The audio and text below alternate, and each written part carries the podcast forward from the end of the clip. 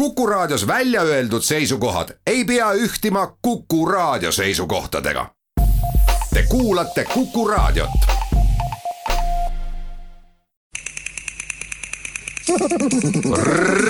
reisirada.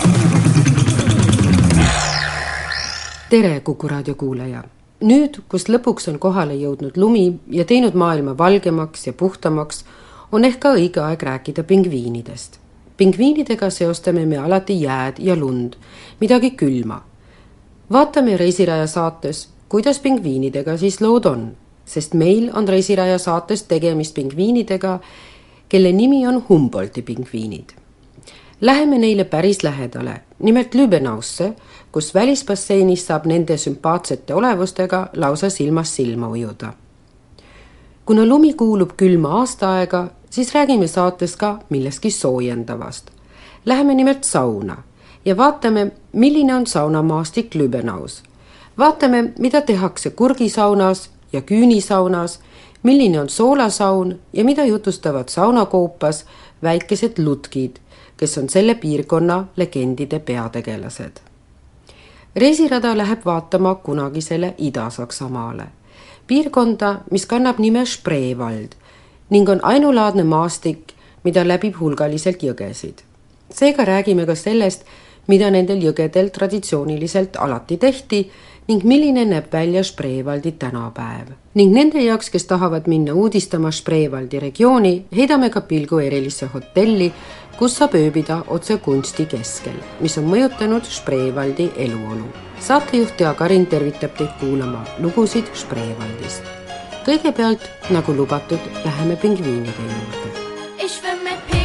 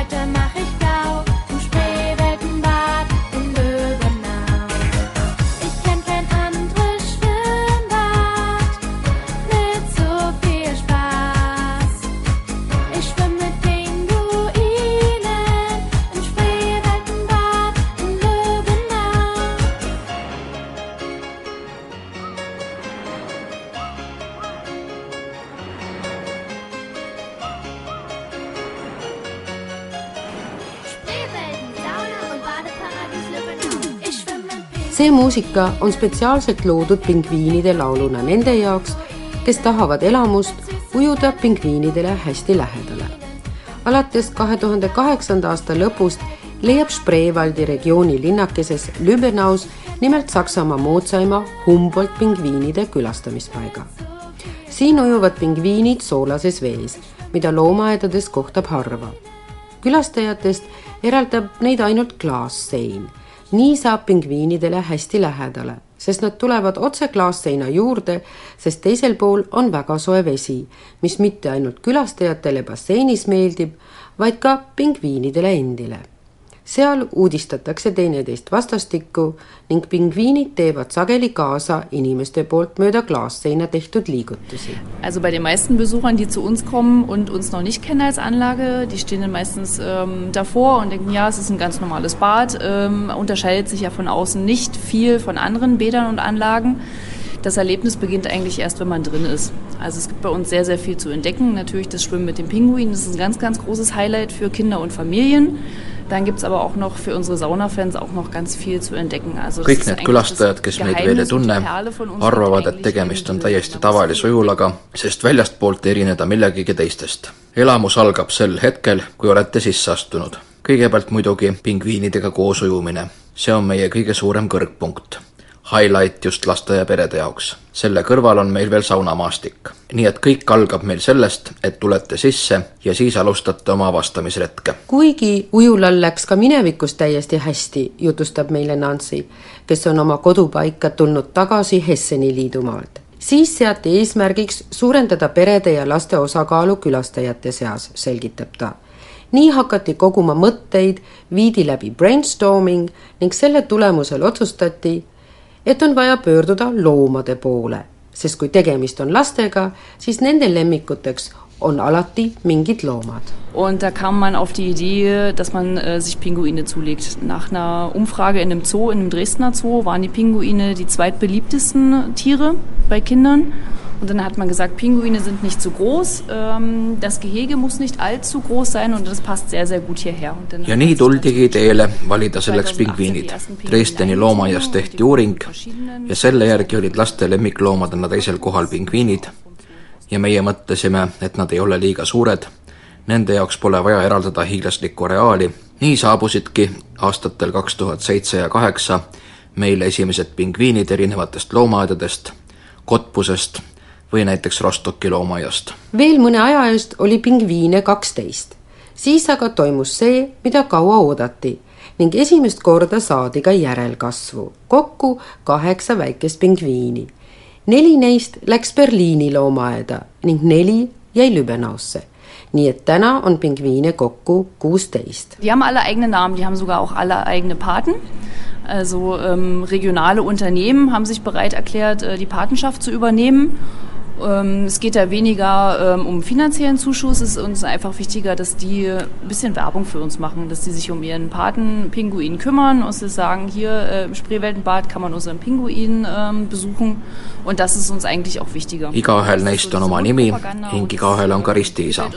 siinsed firmad olid valmis nende eest hoolt kandma. siin on vähem tegemist rahalise toetusega, olulisem on, et nad teevad meie jaoks reklaami, annavad teada, et meil on selline pingviinist ristilaps, keda saab Lübenaus külastada ja see on meie jaoks palju tähtsam. just see info, mida antakse edasi suust suhu, on palju olulisem kui see, et meile antakse kuskil toidu jaoks juurde kakskümmend eurot. et nad meist räägivad, on meie jaoks tähtis ja see on ju ka midagi ilusat. külastajate arv on kasvanud tublisti, nimelt kakskümmend viis protsenti alates kahe tuhande seitsmendast aastast ja seda esmajärjekorras just tänu pingviinidele. kuigi enamus peresid jääb ikkagi suure basseini juurde, on välisbasseinis ikka ja jälle inimesi, nii lapsi kui täiskasvanuid, kes läbi klaasi pingviine silitavad Das Kuriose, weil viele denken, Pinguine leben eigentlich äh, im Kalten und bei unseren ist es eben nicht so. Die kommen aus Peru und die mögen es lieber warm und denen ist unser Winter gar nicht so geheuer. Es ist ja so, dass man kann wirklich ganz nah an die Pinguine rankommen. Es ist allerdings so, dass die beiden Becken voneinander getrennt sind durch eine ganz große Glasscheibe. Also man kann trotzdem, also man hat trotzdem dieses hautnahe Erlebnis, weil man kann tauchen, die Pinguine kommen hinterher geschwommen, weil das äh, von Haus aus sehr, sehr ähm, agile und neugierige Tiere sind. Und das ist immer sehr witzig zu beobachten, wenn, wenn Kinder dann tauchen und ihre Schwimmbrillen aufhaben und die Pinguine tauchen dann einfach hinterher, weil die dann wirklich spielen wollen. Und wenn man dann mit dem Finger dann so an der Scheibe ist, dann, dann schwimmen die dann hinterher, ja. kurioosne on Ähm, siinjuures see, et enamik inimesi arvab, et pingviinid elavad külmas. Meie pingviinide puhul pole see nii. Nemad on pärit algselt Peruust ning armastavad sooja. talv ei olegi nende jaoks tore elamus. siin basseinis saab pingviinidele väga lähedal ujuda. mõlemad pooled on suure klaasseinaga teineteisest eraldatud.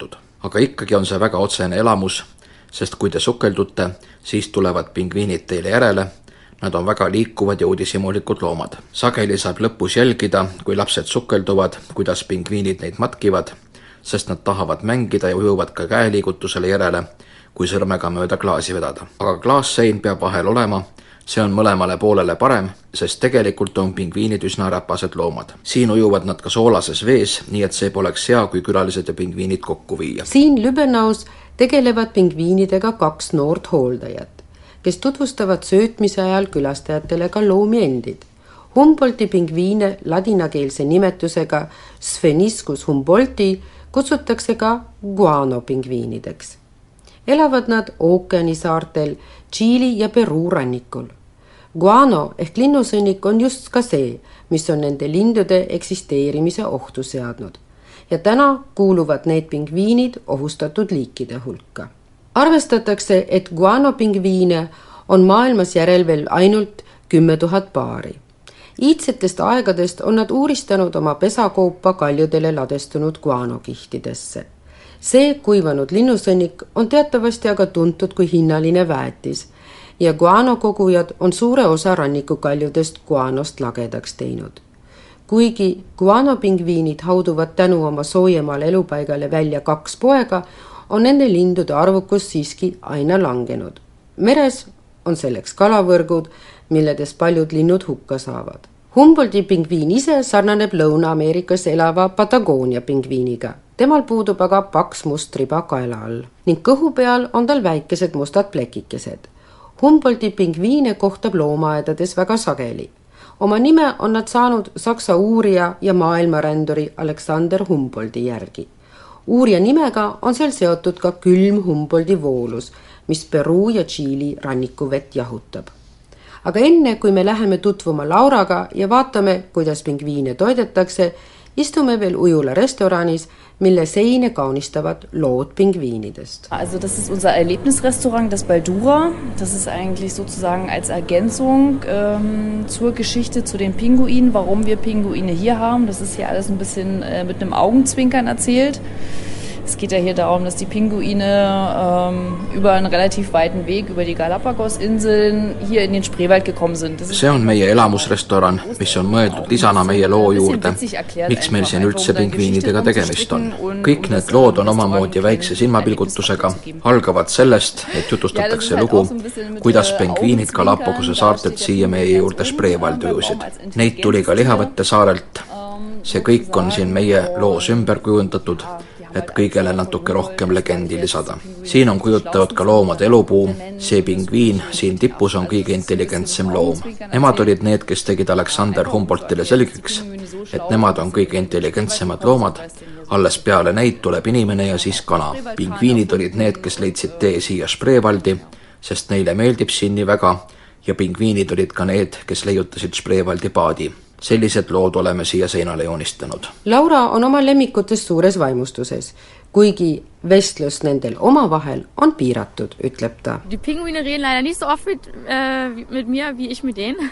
Aber ich denke mal, sie erkennen mich schon. Also an der Stimme und man trägt ja auch immer die gleichen Sachen auf der Anlage. Man hat immer seine Arbeitsklamotten an.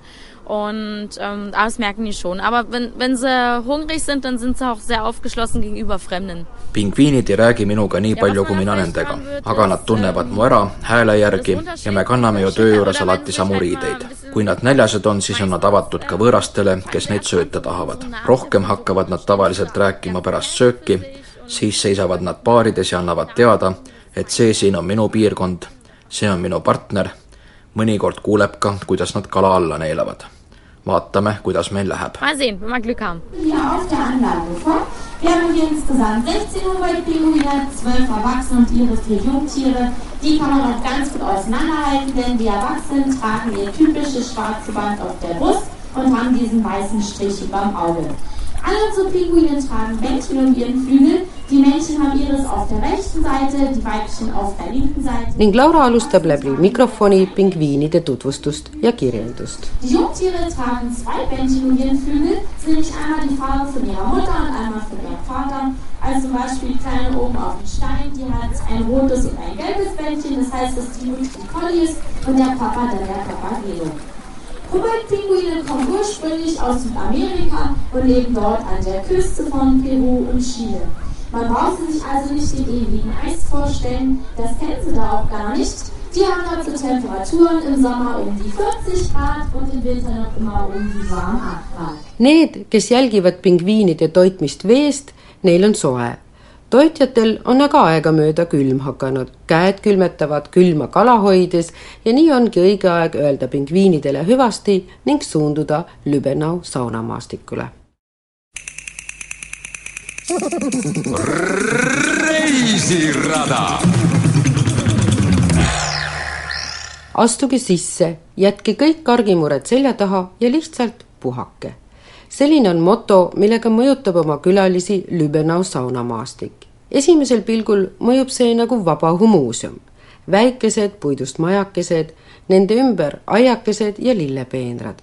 kujundatud on kõik nagu tüüpiline Lübenau külake Ja, das ist unser Saunadorf. Hier steht man eigentlich schon mittendrin. Es ist wie ein kleiner Rundgang gestaltet.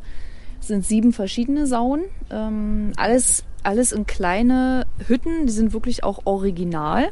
Die kommen so aus dem Spreewald, sind alle so um die 300 Jahre alt. Um, und wie gesagt, sind alle unterschiedlich gestaltet mit Schnitzereien von dem regionalen Künstler. see on meie saunaküla, kujundatud nagu väike ringtee, siin on kokku seitse sauna. äh, Need kõik on originaalmajakesed, igaüks vähemalt kolmsada aastat vana. kõikides on ühe kohaliku kunstniku poolt nikerdatud esemed. vaatame ühte majakestest sisse, et luua endale pilt, millised need saunad seestpoolt välja näevad. siit voolab läbi üks jõeke, see on kunstlikult kujundatud, aga ta peab siin olema sest meie jaoks kuulub ta lihtsalt Spreewaldi juurde. seepärast oleme ka kanuu vee peale pannud, see loob täiusliku Spreewaldi õhkkonna. ja mis oleks Spreewald ilma Spreewaldi kurkideta? Nemad kuuluvad siin nii söögilauale kui sauna. Das ist unsere Gurkensauna. Ähm, hier riecht man eigentlich schon, ähm, dass es wirklich was mit Gurken zu tun hat. Ähm, hier wird mit äh, Gurkenwasser aufgegossen. Ähm, ja, es ist einfach für alle Sinne. see on meie kurgisaun.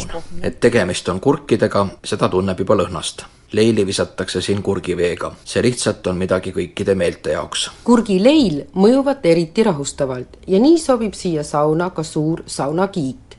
sellel võib leili võttes kiikuda ning lasta kõikidel kurgimahla ainetel meeltele ja nahale mõjuda. kuuekümne kraadise soojuse juures võib seda mõnu tunda pikalt. Kes vahepeal vajab jahutust, hüppab sisse pingviinide sauna. seal on jääkoobas ja iga minut kukub seal alla kuhjake jääd igas saunas on midagi avastada. Need kümme kuni kaksteist minutit, mil saunas leili võetakse, see möödub ümbrust uudistades nagu lennul, ütleb Nancy. üks eriline saun on Schultheiss Hansu saun ehk saun, mis kuulus madalamat seisu kohtunikule. Tema oli sorbide rahvusest ja nii püüab Nancy meile tahvlikeselt ukse kõrval ette lugeda, millega on siin tegemist. nii lihtne seda aga teha ei olegi diesem Haus lebte der Schultheiß und einzige Zitronenkürbis, oh Gott, ich kann gar nicht so gut, Zitronenkürbiszüchter unter der Sonne. Jan, das kann ich leider nicht lesen. Das ist sorbisch. Saame teada, et tema oli erilise sidrunkõrvitsa kasvataja ja keegi ei tea selle aretuse saladust, mis on peidetud nende palkseinte vahele. Need seinad hoiavad ka selle erilise kõrvitsa sidrunilõhna ja seega on selles majakeses sidrunisaun. Sauna kerisel on vesi sidruniviiludega ning see lõhnab selles saunas meeldivalt, meenutades kunagist hobitalunikku. et läbi käia ja nautida kõiki saunu, selleks peab aega olema. üks külastajate lemmiksaunadest on soolasaun. kuna tahtjaid on nii palju, siis tehakse kahes saunas leili korraga küünisaunas on leilimeistriks Steven. tema teeb leili ning hoolitseb selle eest, et kõik end saunas hästi tunneksid. selgitab, kuidas käituda, selgitab, millist lõhna ta veele on seganud ja kõik sulgevad silmad ning naudivad.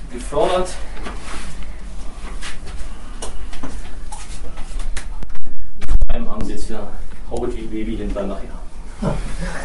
Das hält eine Weile, Garantie auch nur bis zum Drehkreuz. ärge peale leili kohe vette ega duši alla minge, soovitab Steven. kõndige mööda külateed, hingake sisse värsket õhku ja kuna sool võtab kehast palju vedelikku, siis jooge palju. võite julgelt ka õlut juua, soovitab ta. nutzen wir die vielfältigen Wege, die wir hier haben, schön durchlaufen. Gerade bei, der Luft wird das wunderbar. Richtig Sauerstoff tanken. Und dann erst duschen gehen bitte, ja? Kalt duschen. Und danach, ganz wichtig, nach dem Salzaufguss, das entzieht der Haut oder in ihrem Körper sehr, sehr viel Flüssigkeit. Ordentlich trinken. Ja? Darf auch gerne ein Bier sein. peale leili tormavad kõik välja. Seal ootab pingi lämbrike soolaga ja Steven näitab, mis teha tuleb. kõik hõõruvad soola ja auravad soojast. Also das Salz ist sehr, sehr gut für die Haut, ein gutes Peeling. Ja, also wenn Sie nach dem Schwitzen die Poren sich geöffnet haben, können Sie das Salz richtig raufreiben. Das reibt also alle verstorbenen oder abgestorbenen Hautschichten runter, also Sie ganz, ganz weiche, glatte Haut haben. Und dadurch, dass die Poren der Haut offen sind, nehmen Sie dadurch die Mineralien auf, was sehr gesund für die Haut ist und für den ganzen Körper. sool on naha jaoks väga hea koorija. Kui saunas poorid avanevad, siis jookseme välja ja hõõrume kehale soola. pärast seda on meie nahk väga pehme ja kuna poorid on avatud, siis võtab nahk soolast vastu ka kõik mineraalid. ning ka soolasaunas ei pääse kurkidest ning Steven on juba murelikult küsinud, kuhu nad siis jäävad.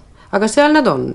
peale viimast leili jälle õue astudes ootab ukse kõrval suur liud Spreewaldi kurkidega ja igaüks haarab sealt paar tükikest. Eine Gurke bitte nehmen.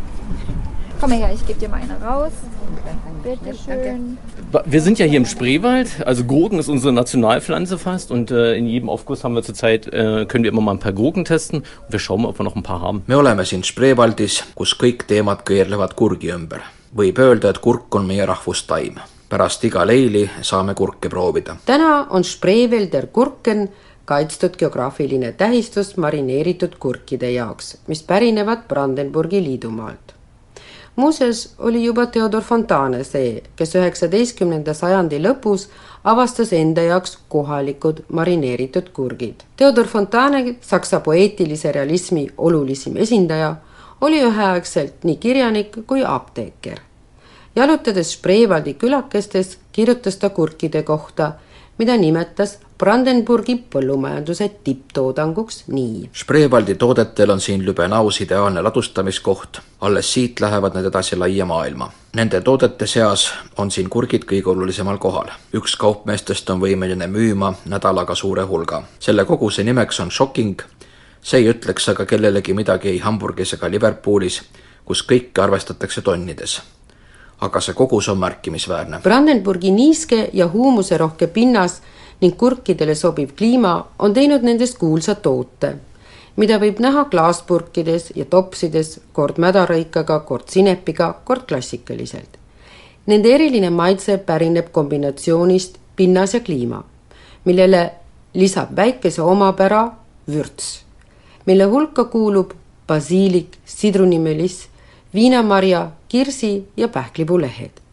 Spreewaldi kurk on üks nendest vähestest Ida-Saksamaa toodetest, mida toodeti edasi ka peale Saksamaa ühinemist. tänaseks on lisandunud mõned erivariandid, tutvustab Andrea Pursche Lübenau turismikeskusest. Ja, wie man hier sieht, dreht sich alles um die Gurke. Und ich habe jetzt hier gerade eine Schnapsgurke in der Hand. Die ist aus Plaste und der Inhalt ist natürlich Schnaps. Und die kann man auch wunderbar als Kette zusammenstecken und sich um den Hals hängen. Das machen die Väter gerne an ihrem Ehrentag, an Christi Himmelfahrt und fahren dann quasi mit einer Kette, die aus Plastikgurken mit deren Inhalt Schnaps gefüllt ist, durch den Spreewald. nagu näha, keerleb meil siin kõik kurgi ümber. minu käes on napsukurk, see on plastmassist ja tema sisuks on naps. Need väiksed kurgid saab üheks suureks ketiks kokku panna ja siis kaela riputada. seda meeldib teha isadele nende austamispäeval, Kristuse taevamineku pühal, jalutavad nad siis selline kett napsukurkidest kaelas Spreewaldis ringi siin on meil ka jõulukurk, mis on ette nähtud jõulukuuse ehteks ja külmutuskapi magnet ja võtmehoidja. seega kurke leidub nii söömiseks kui ülesriputamiseks. ja loomulikult on kurgid ka saunas vestlusteemaks. Gehen wir dann, Saustall und Gurkensauna. Also, aufwärts geht's. Dann alles Gute, wa? Danke. ja me astume sisse sauna, mis näeb välja nagu suur heinakuhi. selles saunas on peidus lutkid. Eine andere Frau, die zufällig davon erfuhr, wollte auch gern Geld finden und reich werden. Deshalb hielt sie eifrig Ausschau, ob nicht wieder irgendwo Flämmchen spielten.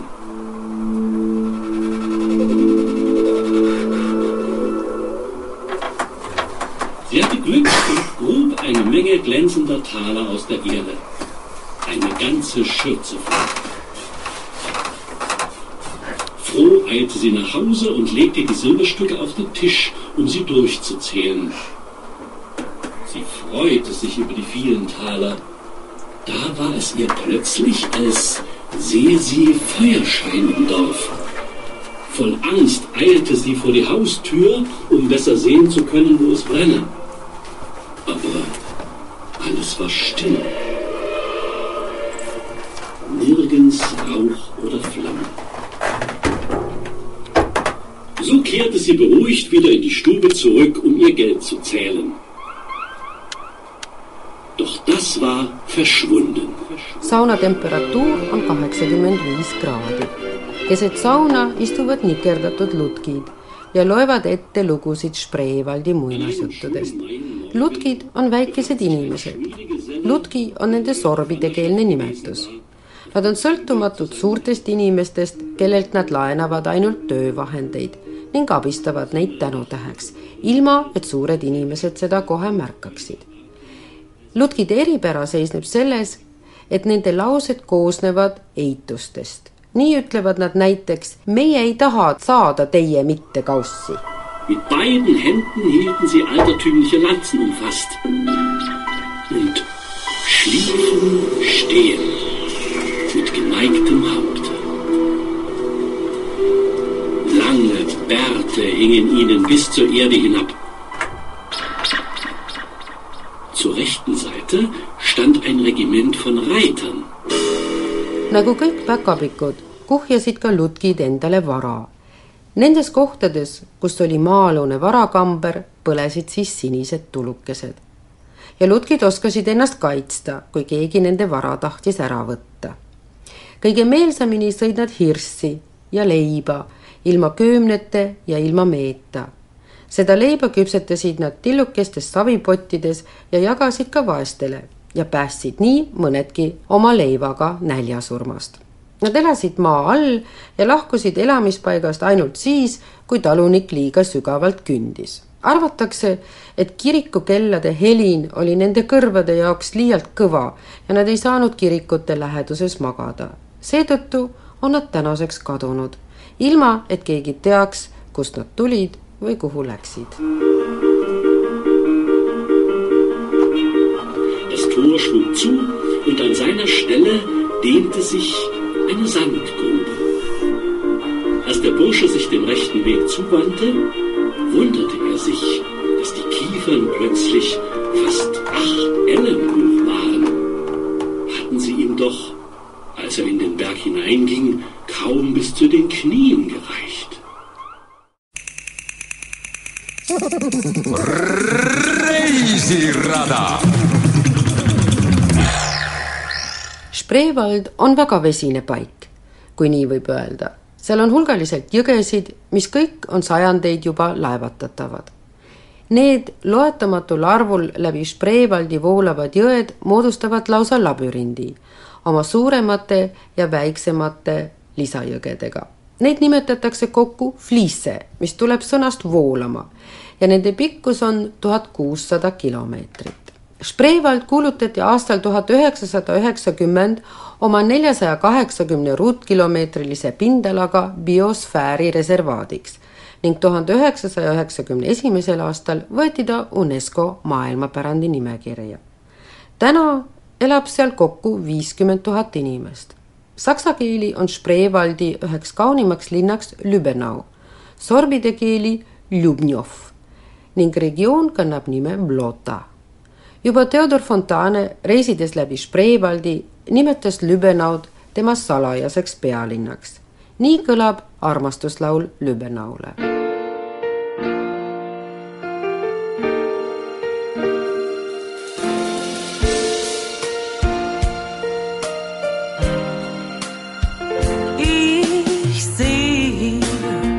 die grünen Ufer an der Spree Dort in der Ferne glänzt ein See. Am Hafen schmeckt das Leben, fühl mich frei von allem Grau. Seid dabei, genießt mit allen Sinnen, genau, Löbenau.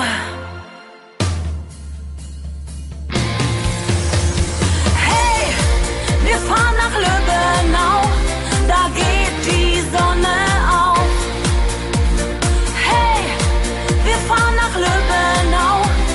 machen einen drauf.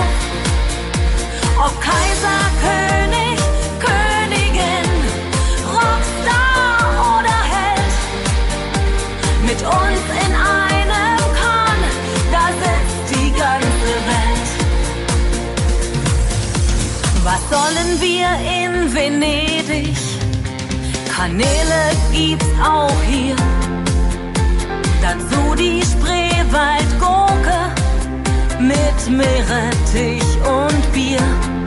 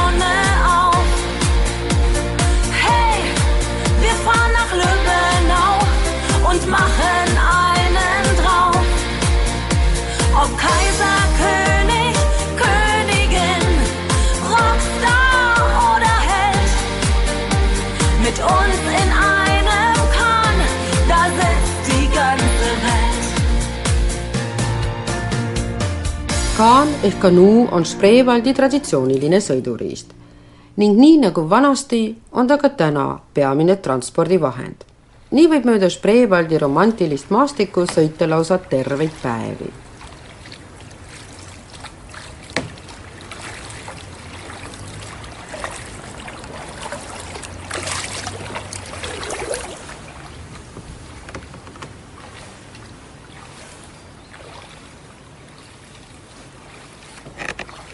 Meie kohtume jõe kaldal niinimetatud Kaan Feermanniga, keda eesti keeli kutsutaks parvemeheks ehk me võiks tema kohta öelda ka Spreewaldi paadimees. ja püüame saada ülevaadet tema tööst. Kahn Fährmann heißt der oder diejenige, die den Kahn im Spreewald per Hand vorwärts bewegt. Eine lange Stange von 3,80 Meter bis 4,40 Meter aus Eschenholz am Boden. Meil on pikk toigas kolm meetrit kaheksakümmend kuni neli meetrit nelikümmend tehtud saarepuust ja sellega lükkab kanoo juht paati jõepõhja pidi edasi. see pole raske, küsimus on pigem tehnikas. kes tehnikat valdab, sellel läheb vaja vähe jõudu kanoo edasilükkamiseks. kes seda aga ei oska, peab palju jõudu kasutama. tehnikat õpitakse aga juba kodus lapsena. Ich bin im Spreewald geboren und wir hatten noch äh, Wiesenflächen, die nur mit dem Kahn erreichbar waren und da mussten wir als Jungs schon zeitig helfen und da haben wir das schon ganz zeitig zu Hause gelernt. Ansonsten muss man sich einen Fährmann suchen, wenn man Kahn fahren möchte, der einen das beibringt. Es wird nicht gelehrt, es ist kein Lehrberuf. ma olen sündinud Spreewaldis, meie perele kuulusid mõned aasad, milleni sai jõuda üksnes kanuuga. seega pidime me juba lastena hakkama abistama, nii ma õppisingi seda juba varakult kodus. muidu tuleb endale otsida Kaan Feermann, paadimees, kes seda õpetab, sest seda kuskilt õppida ei saa. see pole õpitav elukutse. vaatamata sellele tuleb teha eksamid, et paadimehena töötada. praktilise osa jaoks tuleb leida õpetaja. teooria peab igaüks ise endale selgeks tegema. ja internetis on üleval ka eksami küsimused. Man muss eine Prüfung ablegen. Eine praktische und eine theoretische Prüfung bekommt dann ein Patent. Das ist hier äh, Voraussetzung, um fahren. Tuleb teha praktiline ja teoreetiline eksam ning siis saab igaüks patendi. eraisikuna võib igaüks sõita just nii, nagu ta tahab. tõeline elukutse on meie paadimehel aga ka ja siis me vestlemegi veidi sellest, mis paadiga sõitmisel kõige toredam on. Ich bin hauptberuflich Wasserschutzpolizist hier im Spreewald. Noch bis Mai. Ich gehe nächstes Jahr in Pension. Und dann fahre ich nur noch Kahn. no mach, bin ja auch Vorsitzender von dem Verein. elukutselt olen ma Spreewaldi veekaitsepolitseinik veel kuni maikuuni, siis lähen ma pensionile ja siis sõidan ma ainult kanuuga. ma olen ka parvemeeste ühingu esimees. mulle meeldib näidata oma kodupaika teistele inimestele, siis saan rääkida meie ajaloost. ja ühe asja üle on ta eriti uhke. Die einzigartige, einmalige Natur, die der Spreewald als Biosphärenreservat darstellt. Gibt es ja nur einmal auf der Welt. Noch dieses Gebiet in einer Größe von ca 500 Quadratkilometern mit unwahrscheinlich viel Wasserläufen. see on meie ainulaadne maastik, mille tõttu Spreewald ongi looduskaitseala ja sellist leidub ainult üks kord terves maailmas. see on umbes viiesaja ruutkilomeetri suurune ala, väga paljude jõgedega, väga rikkaliku loomastiku ja taimestikuga. see on see, mida ma meie külalistele edasi tahan anda. muutusi Spreewaldi parvetamises on ka Saksamaa ühinemine endaga kaasa toonud, ütleb turismibüroost Andrea Pursche. Ja, also mit der Öffnung der Grenzen, als Deutschland jetzt größer geworden ist, kamen natürlich nicht nur positive, sondern auch so ein paar negative Sachen für die Bevölkerung, gerade hier im Spreewald, ähm, auf uns zu. Das heißt, äh, so einfach mal abends Kahn fahren mit einer Gesellschaft, das ist einfach nicht mehr so einfach möglich. Man muss es anmelden, wenn es dunkel wird. koos piiride avanemisega, kui Saksamaa sai suuremaks, tuli sellega kaasa mitte ainult positiivseid, vaid ka negatiivseid asju, eriti Spreewaldi inimestele. see tähendab, et näiteks niisama oma seltskonnaga parvetama minna pole enam lubatud, nüüd tuleb kõik kirja panna, kui tahetakse sõitma minna ja pimeneb. kõik on nüüd allutatud maakonna laevatamise seadustele, on loodud tingimused, et parv või kanuu peab olema märgistatud nagu auto, tuleb sooritada eksamid, kui vastutad inimeste eest seda kõike varem ei olnud. ja siis astubki isa ise uksest sisse ning kinnitab just seda, mida tütar muutuste kohta just rääkis. Wir als alte Löwenauer bedauern das sowieso, diesen Massentourismus. Meine Generation hat das ganz anders kennengelernt. Da war der Spreewald für uns da. Gut, ich sehe das ein, sollte für jeden zugänglich sein, aber nach der Wende hat man gesprochen vom sanften Tourismus, aber ich glaube, das Wort, das gibt es nicht mehr. Und zählt nur noch das Geschäft. vanade Spreewaldi elanikena on meil tõesti kahju, et siia tuleb nüüd nii palju massiturismi. minu põlvkond õppis seda kõike hoopis teisiti tundma. Spreewald oli kõikide jaoks avatud. pärast Saksamaa ühinemist hakati rääkima maheturismist, aga ma arvan, et seda meil ei ole. praegu mängib rolli ainult äri.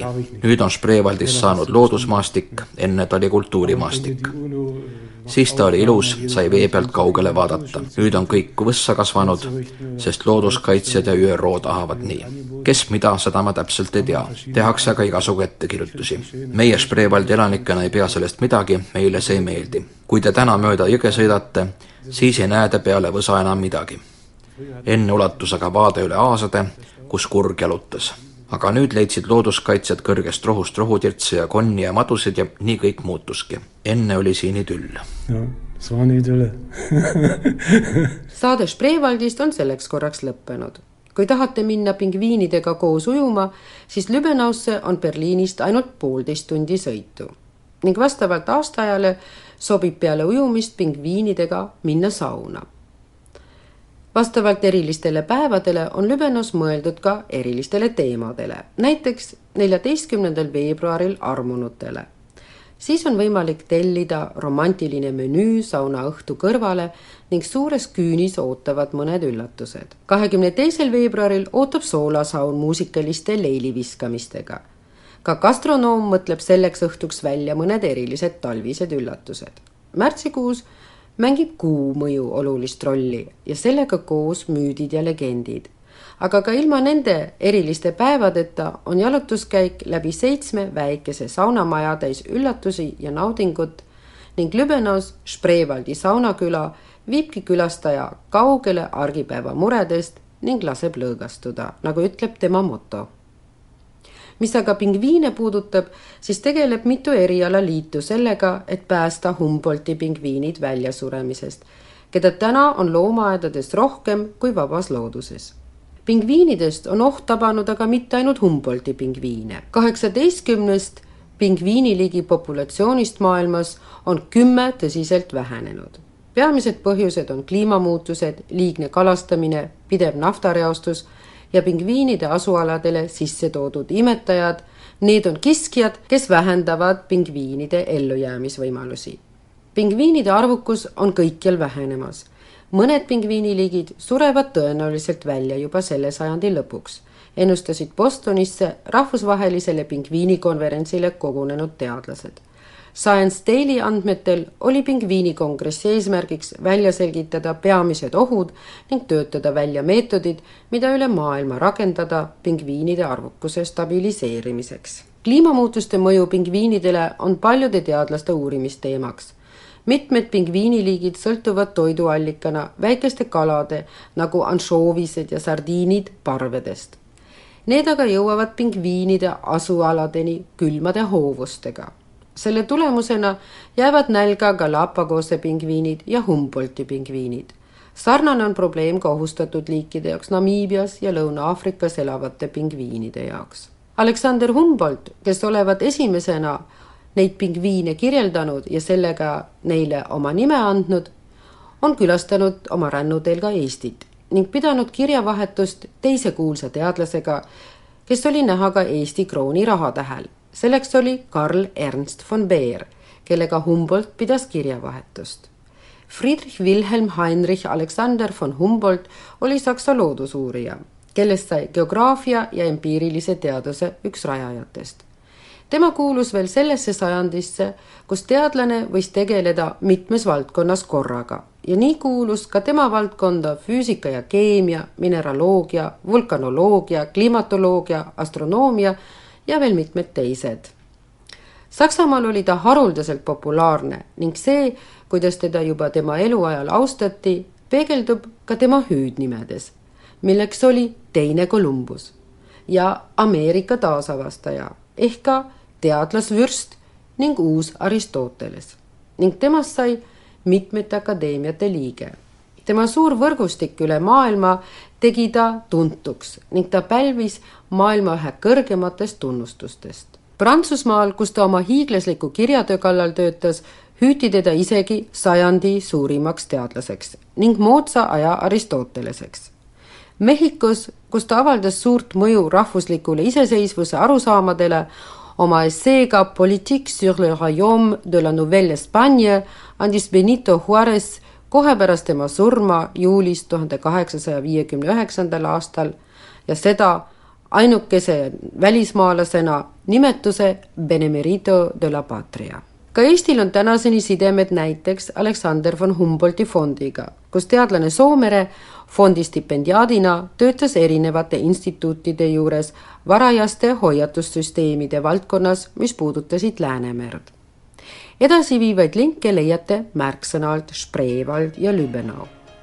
seal, kus kunagi elasid väikesed lutkid ja nüüd jutustatakse nende lugusid saunas, saab ka täna sõita Spreewaldi veeteedel ja Sarapuupaat oli kõige tähtsam transpordivahend, millega sõideti põllule millega toodi ära saak, temaga transporditi loomi ning toodi kohale kõige olulisem talude jaoks. paadiga sõideti kirikusse jumalateenistusele ning toodi kohale ämmaemand, sellega tulid kohale ka kirjad. nii nagu Spreewaldi kurgid, on täna paat selle regiooni sümboliks. paat ise on üheksa ja pool meetrit pikk ja kõige rohkem üks meeter ja üheksakümmend sentimeetrit lai kuna tüüpilise Spreewaldi paadi juures ei tohi kasutada puidu impregneerimisvahendeid ega muud keemiat, siis on paadi eluiga piiratud viieteistkümne aastaga. seetõttu võidavad täna aina rohkem populaarsust alumiiniumi ja terasplekist paadid, mis peavad vähemalt viiskümmend aastat vastu. kuna ajad on muutunud, siis on uue paadina kasutusele võetud ka kaks paati Spreewaldis, mida saavad kasutada puuetega inimesed kuni üheksateistkümnenda sajandini olid veel kasutusel ühest tüvest tehtud paadid, mis aga nõudsid valmistamisel suuri oskusi ja erialaseid teadmisi.